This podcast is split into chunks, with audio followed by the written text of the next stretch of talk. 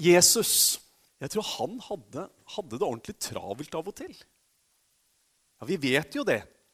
Vi leser i evangeliene om alle som kom til han, og, og at han holdt på fra tidlig til morgenen til seint på kvelden, ja, natterstid. Og hvordan var det han klarte å få dette her til å gå sammen? Jeg har så lyst til å ligne Jesus. Jesus er min store, mitt store forbilde. Selvfølgelig er det det. Men samtidig det er, jo, det er nesten sånn at ikke jeg tør å si at Jesus er mitt forbilde. Han var den fullkomne i alle deler. Og, og, og, hvordan kan vi ha han som forbilde når det er en sånn uendelig avstand liksom opp til der hvor han er? Men det er noe med Jesus som gjør at han er mitt forbilde. Jeg har så lyst til å ligne på han, enda jeg vet at det er så mye som på mange måter skiller meg, så uendelig mye som skiller meg fra han. Jeg ser sånn opp til Jesus. Men vet du hva?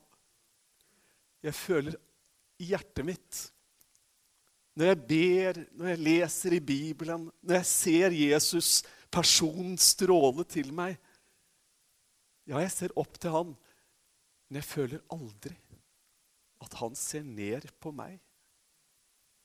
Jeg føler aldri at han er noe opptatt med å skape noen avstand. Tvert imot.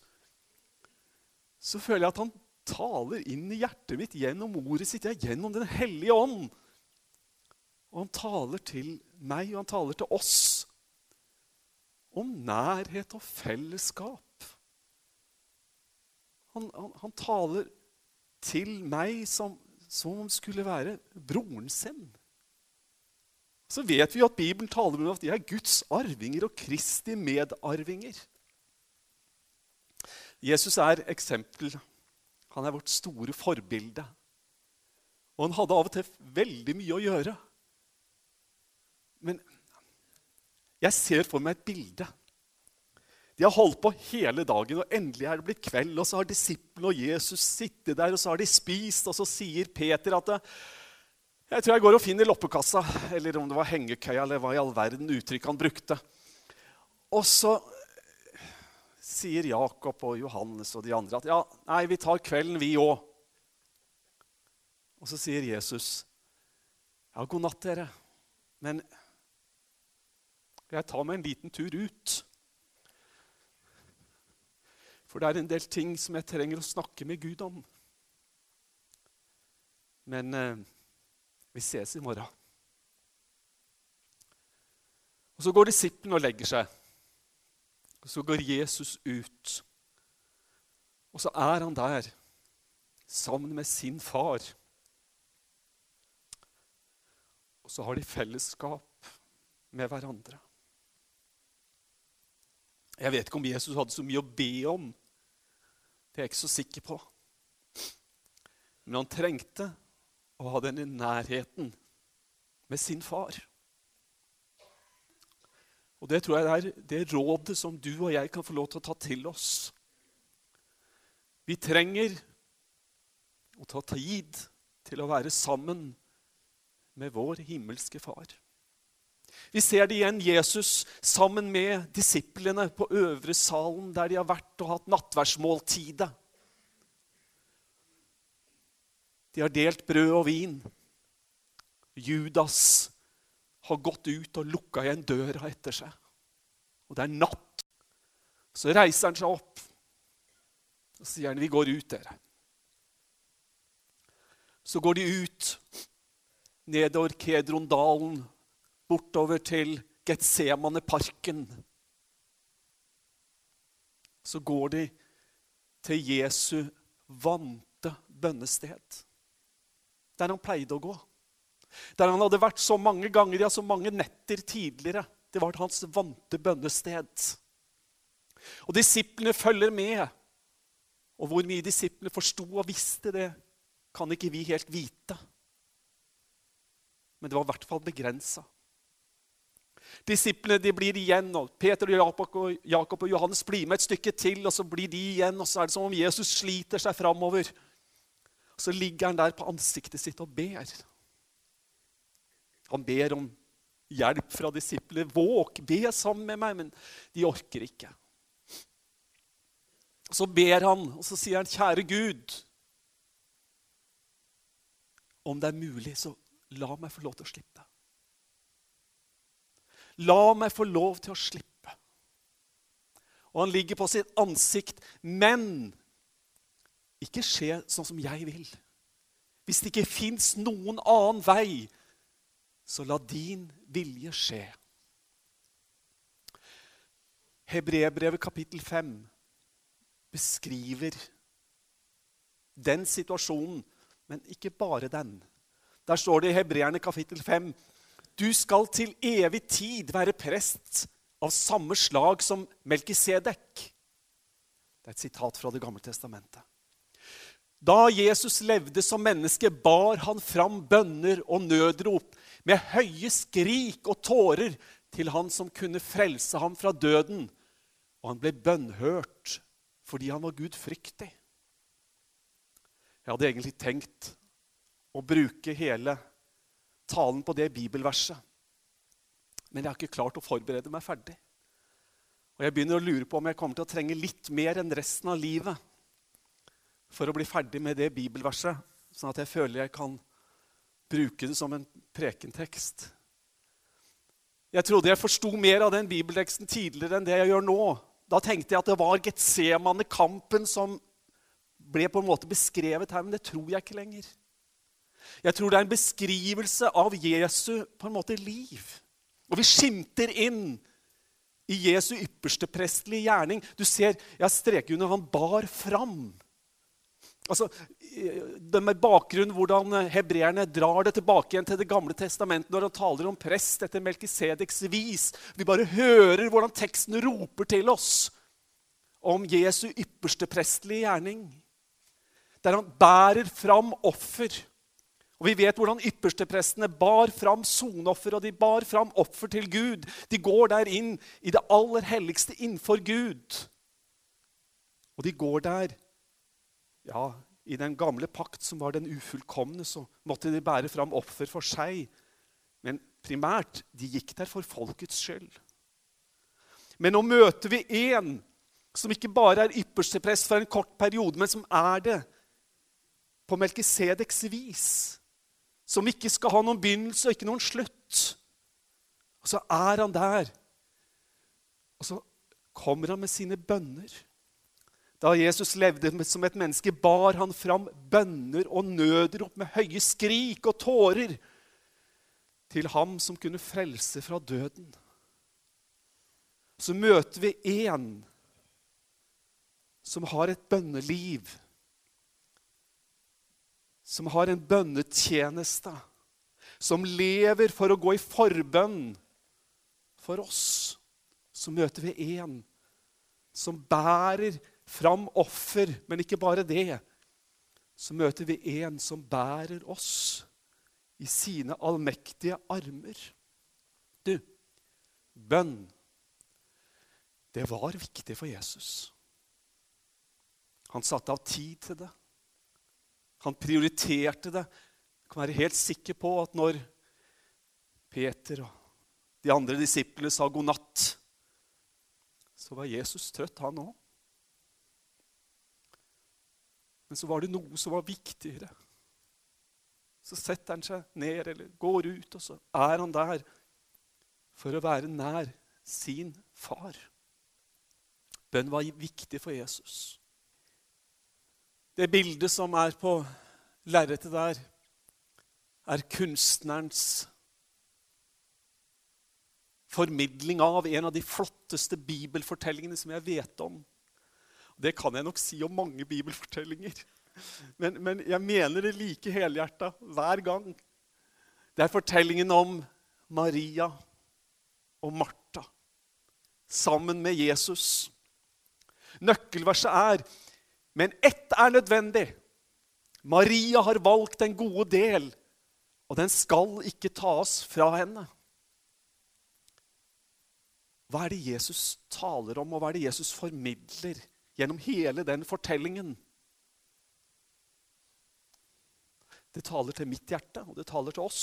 Og denne våren i tabernakelet så skal vi flere ganger Jeg tror det er sju søndager som vi har satt av hvor vi skal tale om bønn. Vi ønsker å være med og inspirere oss alle sammen til å være i Guds nærhet. Til å ta den kraft og den styrke som det er og ikle seg den kraft som Gud gir oss når vi er sammen med Han. Og vi har i denne fortellingen en beskrivelse av når Maria og Martha får besøk av Jesus. Står der i Lukas evangelium. Og Jeg kan lese hele teksten. Da de dro videre, kom han til en landsby der en kvinne som het Martha, tok imot ham i huset sitt. Hun hadde en søster som het Maria, og Maria satte seg ned ved Herrens føtter og lyttet til hans ord. Men Martha var travelt opptatt med alt som skulle stelles i stand. Hun kom bort til dem og sa, 'Herre, bryr du deg ikke om at min søster lar meg gjøre alt arbeidet alene?' 'Si til henne at hun skal hjelpe meg.' Men Herren svarte henne, 'Martha, Martha, du gjør deg strev og uro med mange ting, men ett er nødvendig.' Maria har valgt en gode del, og den skal ikke tas fra henne. Det var Jesus og disippelflokken. De er på vandring. Så kommer de til dette fredens sted for Jesus. Kommer til Betania. Kommer der til sine venner. Vi leser jo Maria, Martha og Lasarus. Og Nå kommer han, og så står det at han tar inn hos Martha, en kvinne som het Martha, tok imot ham i huset sitt. Eh, det er jo interessant at det er Martha som tar imot, og ikke en mann. Altså, eh, Martha det er den feminine formen på aram, arameisk. Mare er det. Og, og, det betyr nærmest som sjef, eller kan også oversettes med herre eller fru. Altså en tittel med myndighet. Hun var sjef i huset, virker det som. Og eh, en kvinne som het Martha, tok imot ham. Og det ordet 'å ta imot' Hypedexato, hvis jeg uttaler det sånn noenlunde riktig. Det er et veldig vakkert ord. Det brukes noen få plasser i Det nye testamentet. Vi ser det bl.a. i forbindelse med at Jesus ser Sakkeus som har klatra opp. I morbærtreet står det 'Sakkeus, skynd deg og kom ned, for i dag må jeg ta inn hos deg.' Han skyndte seg ned og tok imot ham med glede. Altså, vi, vi, møter det ordet igjen, at han tok imot. Vi ser det igjen. Disse folkene som oppvilger hele verden, nå er de kommet hit også. Og så står det og Jason har tatt imot dem. Vi ser det i apostlenes gjerninger. Altså, Jason hadde tatt imot. Vi ser det i Jakobs brev. Der står det om Rahab. Hun ble kjent rettferdig pga. gjerninger fordi hun tok imot utsendingene og slapp dem ut en annen vei. Vi møter altså dette som et sånn hedersbetegnelse, det å ta imot. Og det hadde Martha gjort. Og det løftes fram av denne bibelteksten. Hun får anerkjennelse for det. Hun hadde en åpen dør. En åpen dør. Det er et nydelig ord. Og etter at det står om hvordan Martha hadde tatt imot henne, så er det det skjer. Det som egentlig er med på å gi denne fortellingen et sånt innhold for oss.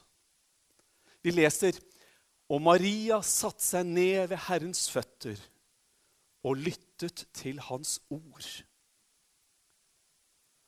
Egentlig så kunne det jo ha stått selvfølgelig og Maria unndro seg kjøkkentjeneste. Det var jo det hun gjorde. Men Maria på en måte visste Jeg tror i hvert fall hun visste det.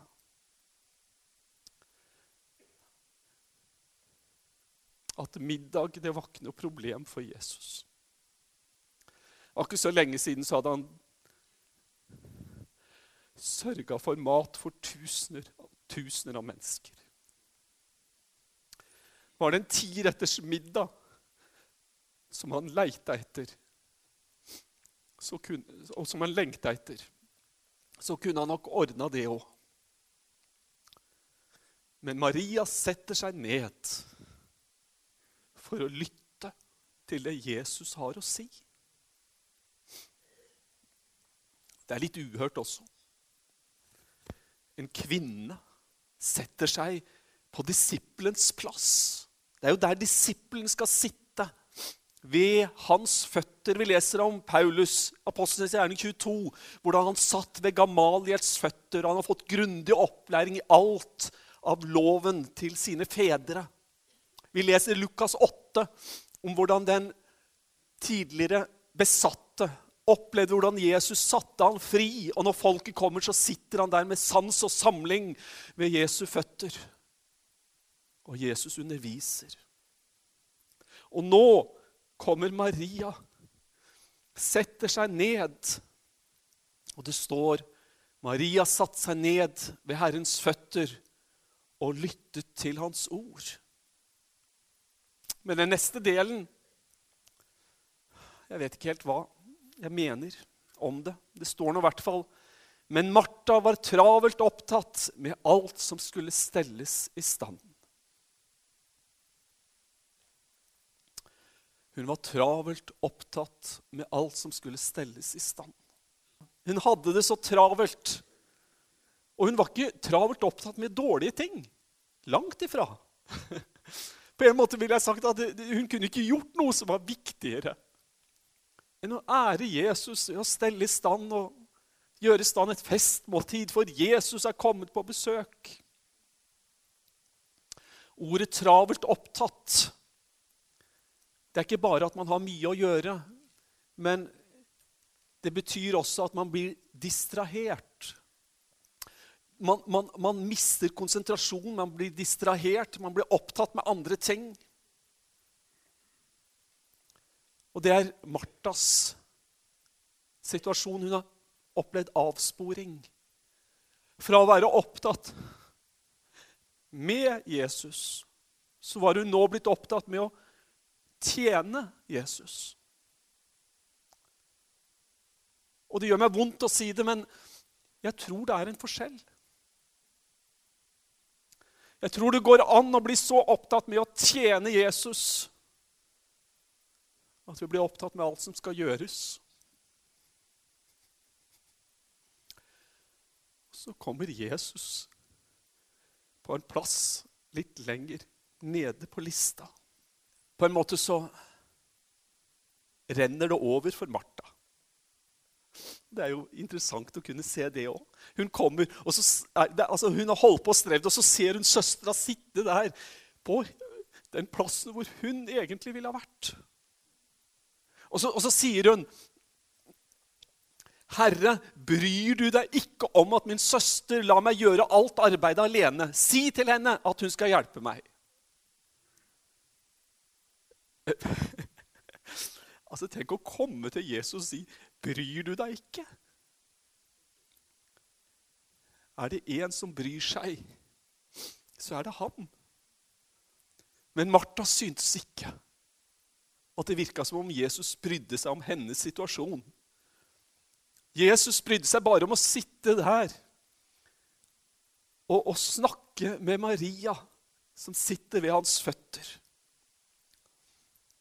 det på en måte Martha sier, det er disse tre tingene. Herre, bryr du deg ikke? Det er en kritikk av Jesus som ligger i det. Det er en kritikk av Jesus. En irettesettelse av Jesus. Det er ikke noe mindre enn det. Og så er det 'Søsteren min har latt meg bli alene'. Det er en kritikk av søstera òg. Hun burde ha vært her og hjulpet meg. Og så er det en kommando. For hun vet hva som skal gjøres. Og hun sier til Jesus, 'Si da til henne' Det er Martas agenda.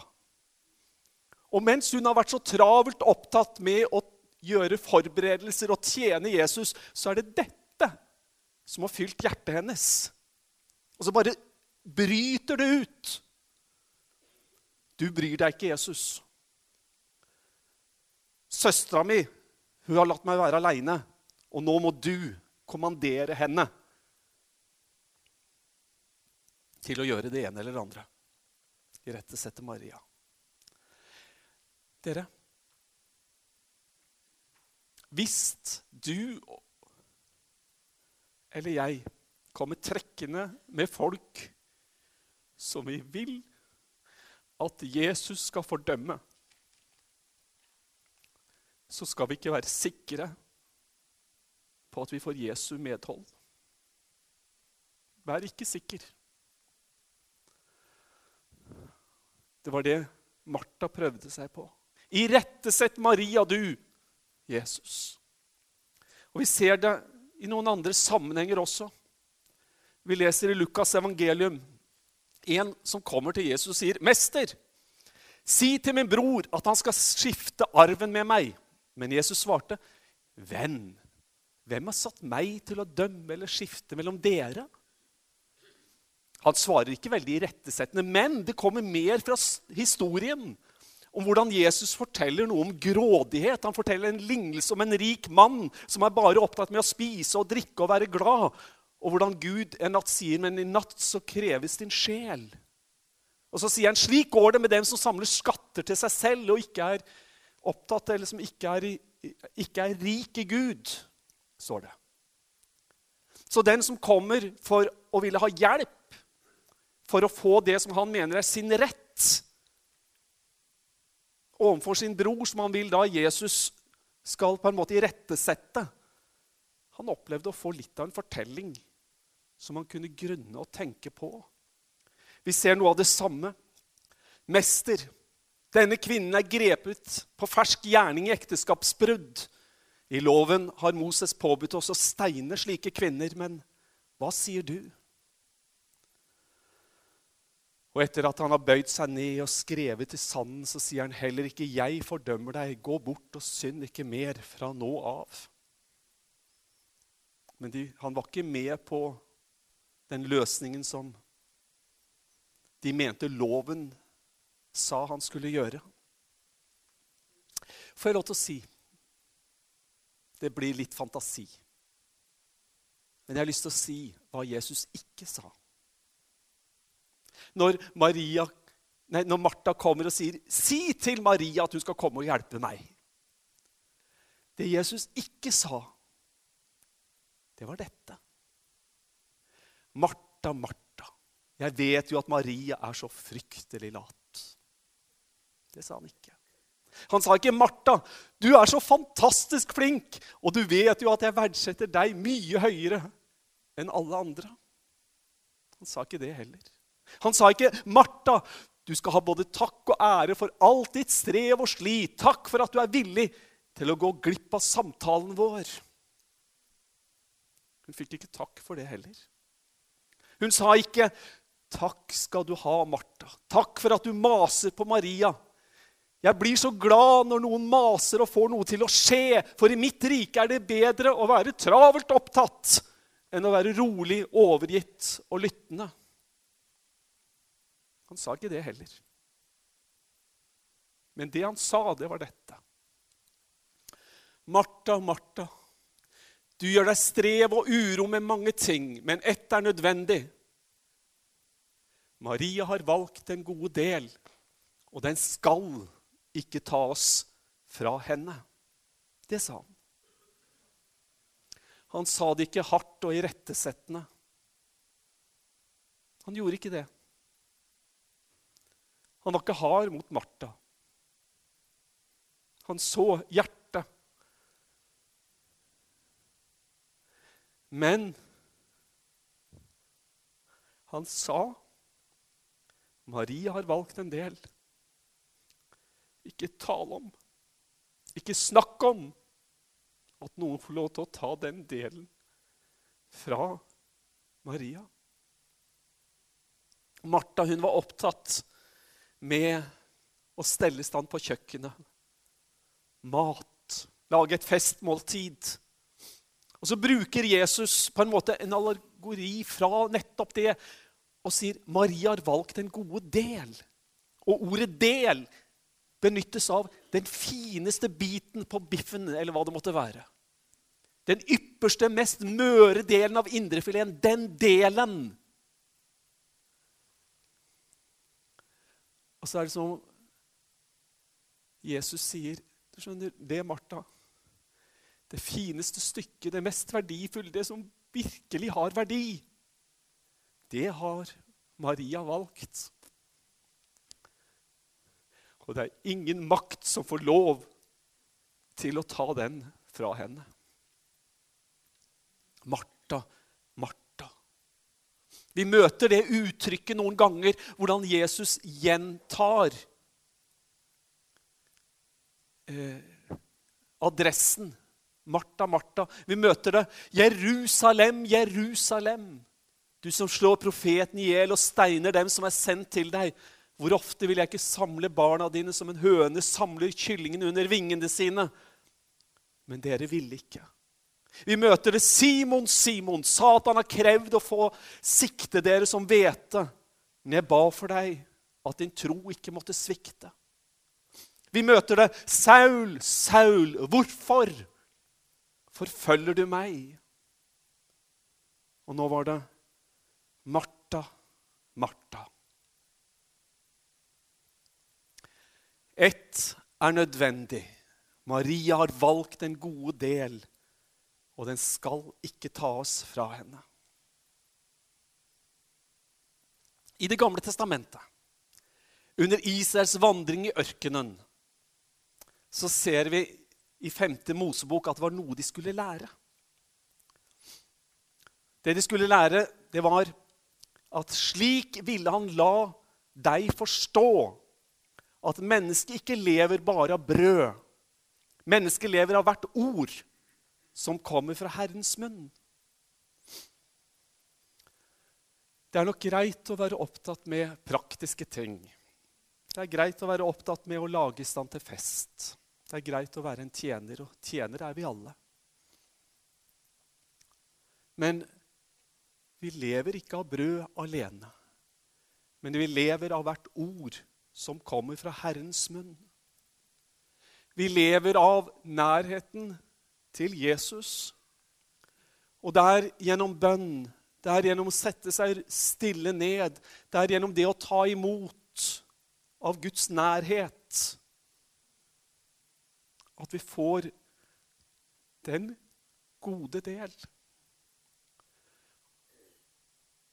Og vi kan være helt sikre på at Gud ikke vil tillate at noen tar den delen fra oss. Men han tvinger den ikke på oss. Men det er en åpnet dør for oss, hvor det er satt foran oss en mulighet og en invitasjon til fellesskap med den levende Gud. Og vi får lov til å sette oss ned. Vi får lov til å sette oss ned ved hans føtter. Før jeg inviterer til bønn, så vil jeg at du skal tenke over teksten og lytte til denne sangen som jeg vil spille.